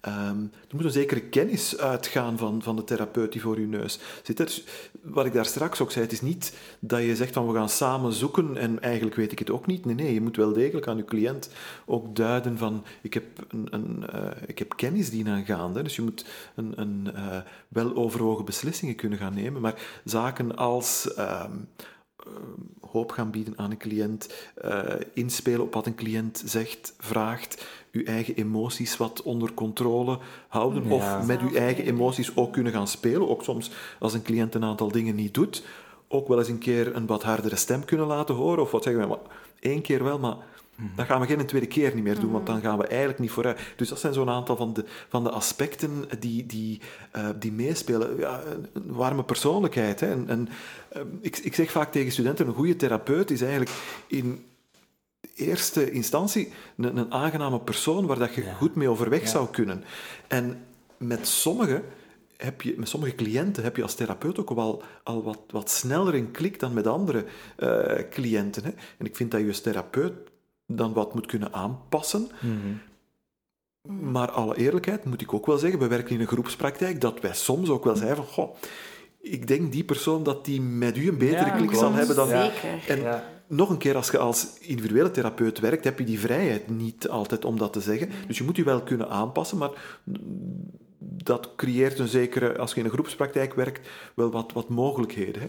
Wat, wat zijn nog therapeutische vaardigheden? Kunnen inspelen op wat vraagt die cliënt nu? Wat is het probleem waar die cli- cliënt zich mee aanmeldt? En iemand die stottert, is het probleem niet altijd het stotteren aan zich. Hè. Het Mhm. probleem kan veel ruimer zijn dan dat. Kan met situaties te maken hebben en, en dergelijke meer. Dus, dus dat zijn therapeutische vaardigheden voor mij. Dus dat sluit heel nauw aan, ook bij goede, ehm, noem het interpersoonlijke communicatievaardigheden. Hè. Ehm, dat overlapt daar in sterke mate mee. Hè. Eh, maar dat kan je trainen ook. Hè. Eh, je ziet dat binnen een opleiding, zie je vaak van in het begin van een opleiding, sommige studenten hebben dat wat, hebben die interpersoonlijke vaardigheden hebben die wat meer in de vingers dan anderen. Mhm. Eh, maar dat betekent niet dat je bij die, waar het wat minder in de vingers zit, dat je dat niet kan trainen. hè. Als je kijkt bijvoorbeeld op stage, als er ergens iets fout loopt, loopt op stage, heeft dat vaak ook, bij mij weten, ik heb nog nooit geweten dat dat te maken had met een therapeut of een student die onvoldoende inzicht had in van wat, wat hij moest gaan doen. Maar het had vaak te maken met die interpersoonlijke Ja. vaardigheden. En dat zijn dan die therapeutische vaardigheden waar het, waar het vaak over gaat. Hoe zeg je bepaalde dingen naar ouders? Wat zeg je wel, wat zeg je niet? Wat is de, wat is de toon die je gebruikt? Mhm. Maar goed, ja, hoe leg je dat uit? Toon. Hè? Eh, eh, dat is moeilijk. Ja, het is allemaal zo onder... eh, Het zit in de, de heel kleine zaken eh, En- eh, vaak. Hè. En hetgeen dat je zei van ehm, die flexibiliteit als therapeut, denk ik inderdaad dat dat wel een belangrijke is. Als het ook voor jezelf als persoon zo binnen je comfort blijft. Als je merkt van ik moet hier echt buiten mijn, mijn eigen grenzen gaan stappen, denk ik dat je dan wel op een punt zit van oké, we, we matchen gewoon niet. En dat is ook oké om dat te aanvaarden dat het zo is. Maar belangrijk om te weten is ook, je, je kan een aantal dingen ook heel goed trainen. Hè? Bijvoorbeeld, als ik, ik geef heel vaak voorbeelden aan studenten van dingen die ik initieel zelf heel slecht deed. Hè? Een hele goede is bijvoorbeeld video's maken van jezelf als Ja. therapeut Ja. en die gaan bekijken. hè. Toont onderzoek ook aan. Hè? Als je wil vooruitgaan, als je efficiënter wil worden als therapeut, moet je niet honderden en verschillende therapiebenaderingen gaan trainen. Ja, dat moet je ook doen, maar er is iets veel belangrijker dat je moet doen. Je moet je therapeutische vaardigheden wat gaan aanscherpen. En dat zijn niet nieuwe benaderingen gaan volgen, maar uzelf een keer filmen. en gaan kijken van, wat doe ik nu goed en wat zou ik nu beter kunnen doen. Hè? Wat ik bijvoorbeeld initieel heel slecht deed, was omgaan met stiltes. Hè? Ehm, Binnen een therapie, ja, daar gebeurt het wel eens een keer dat daar een stilte valt. Hè? Als je nu vraagt aan een cliënt van, en, en wat ging goed voorbije week? Hè? De cliënt zegt daar direct niks op. Ja, is er ook niks verkeerd mee om een keer een minuutje te wachten en stilte in te lassen? Ja. En dat biedt aan een cliënt de mogelijkheid om, oeh ja, de therapeut zegt hier niks, dus ik, ik- Ja. om wat meer te gaan nadenken. Ehm, en, en, maar dat is een moeilijke. En vaak, jonge therapeuten willen vaak die stilte opvullen. Hè? Want- Eh, Een stilte voelt altijd voor u veel langer aan dan als je op een video ziet, toch? Als je dat filmt, dan, voelt dat, Ja. voelt dat, dan is dat precies zo snel voorbij. Maar als je er zelf in zit, voelt dat keilang, kan dat keilang aanvoelen. Ja, en ik denk dat dat, dat, dat stilte is heel... eh, dat dat echt wel een waarde heeft. Heel absoluut. Dat is enorm. Want dat geeft inderdaad de mogelijkheid om een vraag dat, of, of een instructie dat je hebt gegeven, om gewoon even te laten eh, binnenkomen. Maar een stilte laten vallen bij iemand moet je ook wel veilig bij voelen, toch? En ik, ik vind, ja... Dus ook een beetje stilte-tolerantie opbouwen. Ja. Dat je, dus, Ja, maar ik, ik zie bijvoorbeeld ook vaak als je... ehm, dat, dat start al vanaf sessie 1. Hè, als je aan ouders bijvoorbeeld vraagt van stotterende kinderen van soms eens een keer, hè, wat zijn moeilijke en wat zijn makkelijkere spreeksituaties op. Hè? hmm. Ehm, als ouders daar direct niet met een lijstje afkomen, dat een therapeut al heel snel, of sommige therapeuten al heel snel zeggen van oh, die situatie, hoe loopt, verloopt het daar? Die situatie, hoe verloopt het daar?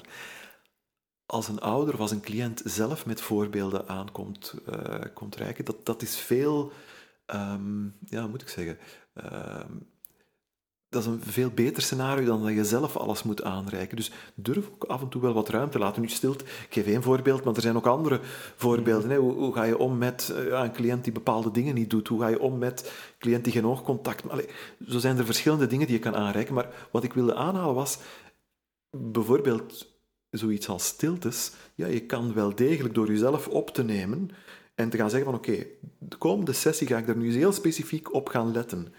En een video daar terug van te bekijken van ja, heb ik dat nu gedaan? Ja, nee. Maar eigenlijk zou ik nog wat meer kunnen doen.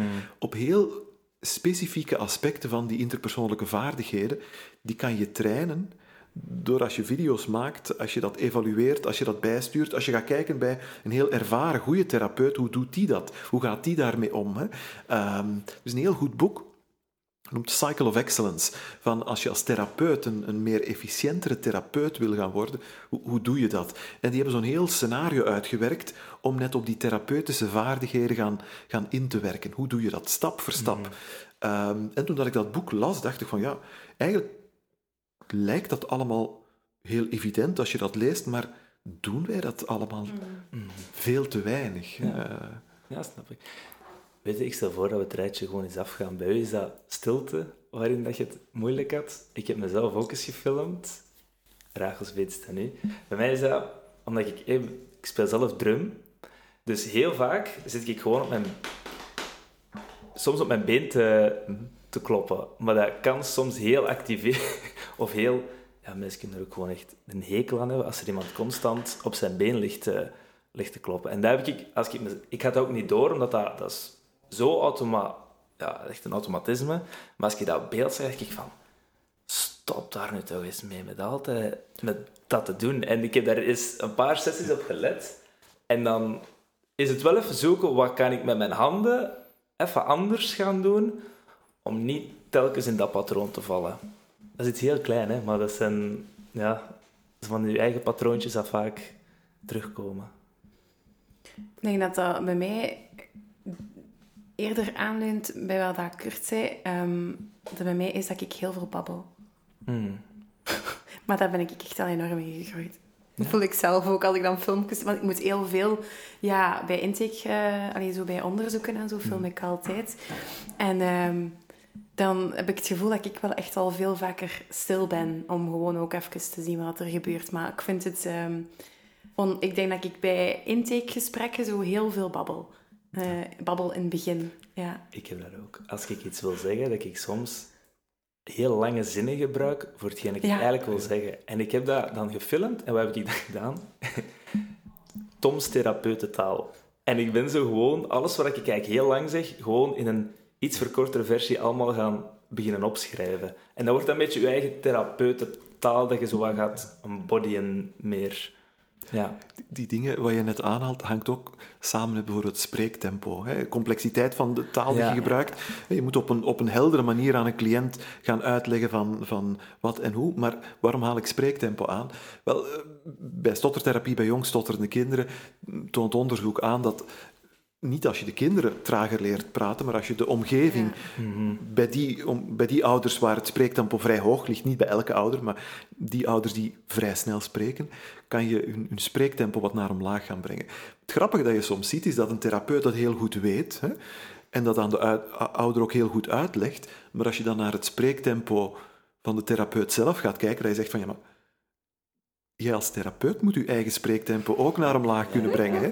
Complexiteit van, van taal is ook zo één. Hè. Uh, onderzoek toont ook wel aan, er is wel wat contradictorisch onderzoek ook, maar, of tegenstrijdige bevindingen, dat als je het, uh, de, de, complexiteit van taal, hè, van ouders, als die wat naar omlaag gaat, dat het stotteren dan ietsje zou minderen bij mm. kinderen. Maar ook dat, als je dat vraagt aan de ouders, ja, de vraag is van pas je dat als therapeut dan ook toe? Hè? Want belangrijk is dat je als therapeut het model biedt. Wel, ja, dan moet je wel zorgen dat je ook het model kunt bieden. Hè? En dat is goed dat je als ja. beginnend therapeut dat dan ook wel eens een keer aftoetst. Via videoanalyse en, dergelijke, en dergelijke meer. Dat, maar dat is vaak heel confronterend. Mm. Ik merk dat nu nog. Hè? Als ik naar mezelf nu luister of video's bekijk, video's bekijken doe ik niet zoveel, maar me soms wel beluister. Je zei daar straks, uh, je moet dat niet beluisteren achteraf, hè, dit, dit, interview. dat doe ik ook nooit, want dat is uitermate confronterend. Maar ik denk dat het goed is dat we dat als therapeuten wel af en toe mhm. wel ons daartoe verplichten. Zodat we kijken van, oké, wat zijn punten waar we onszelf in ja, wat kunnen bijschaven. Want dat, dat moeten we allemaal Dat het niet zo enkel wel doen, op weekniveau blijft, maar dat Absoluut. we echt wel kunnen ja. Mhm. belichamen. Mm Alright. Ja, we kunnen blijven doorgaan. Ik vond het super tof. vond zo ja, het gaat zo over het, het overstijgende, zo. Allee, het, de, de paraplu, allee, zo de bovenkant van alles, vind ik. Hetgeen wat er eigenlijk overal uh, Klopt. belangrijk is. Ja, ik vond het tof. Maar ik denk dat, een, dat een hele belangrijke is, hè, omdat er, als je kijkt de laatste jaren, de laatste tien jaar, is er heel veel aandacht voor wat werkt en wat werkt Ja. niet. Hè? Mhm. Eh, Welke benaderingen werken wel en welke benaderingen werken niet. En dat is goed dat dat gebeurt. Hè? Maar ik denk dat is niet goed als er niet voldoende aandacht ook is voor niet enkel welke benadering, maar ook wie past het toe. De persoon die het toepast, hoe past die het toe. Ja. Er is ook therapeutgebonden aspecten, die Ja. zijn vaak even belangrijk als wat je juist gaat doen. Dus ik denk dat het een hele belangrijke is. Ook, hè. Ja. Het is hoe dat we het doen. Ja. inderdaad. Ja. En de laatste vraag? Ja. Ah, hebben we hem daarop voorbereid? Ik weet dat eigenlijk Ja, we gaan hem gewoon stellen. Oei, ik ben weer benieuwd. ah ja, oké. ehm, dus, Kurt, eh, wat is uw eh, favoriete logopedische term? Mijn favoriete logopedische term. Klopt, Oei. exact. Niet exact. Nee, dat is duidelijk niet voor mij. Mijn favoriete logopedische term. Oei, de- ehm, oh, dat vind ik een moeilijke. Ehm, ja, je had die misschien wel op voorhand moeten zeggen. Nee, laat me... la- en het is misschien niet echt een logopedische term, maar het vat misschien het gesprek van vandaag wel wat... Ja. eh, het hoeft ook niet logopedisch wat, te wat zijn. Samen. Ik, ik denk wat een uitermate belangrijk is binnen logopedische therapie of psychotherapie of wat dan ook, is client-clinician interaction. Hè? Dus het, het, ehm, de relatie die je Ja. aangaat tussen, een, dat is niet één term, dat is al een hele zin weer al, perfect. ik ga me proberen Maar- te Nee, nee, beperken. nee, nee. De relatie tussen therapeut en, en, ehm, eh, en cliënt. Ik Ja. denk dat dat een uitermate belangrijk is. In het Engels heeft men daar een mooie term voor, building rapport.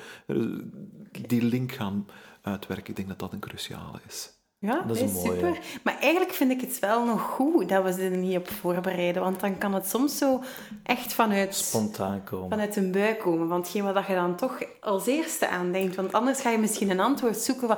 Oké, en dat gaat misschien mij wel... Ja. Dat was mijn treinrit hierheen gevuld met nadenken over Ja. Ja, wat is het welke woord indruk niet wil dat ik over- achterlaten? Ja, Ah, exact. zo, hè? Ja, nee. ja, we zijn inderdaad iets meer bezig met gewoon op de moment zelf Een beetje loslaten. Ja. Ja, het is dat. Goed. Oké. Oké. Is er voor de rest nog iets dat jij zo wilt zeggen? Iets dat jij gewoon even de wereld wilt insturen? Dat je nog Ik heb nog een ei dat je kwijt wil. Ja, op dit moment zijn er weinig eieren die ik op dit moment te leggen heb. Er zijn verschillende dingen waar ik mee bezig ben. Maar niet dat ik zeg van, oh, dit is nog cruciaal om de, de wereld in te sturen. Ik denk, allee, één zinnetje. Ehm, vaak krijgt men het idee van ja, die persoonlijke vaardigheden of die therapeutische vaardigheden.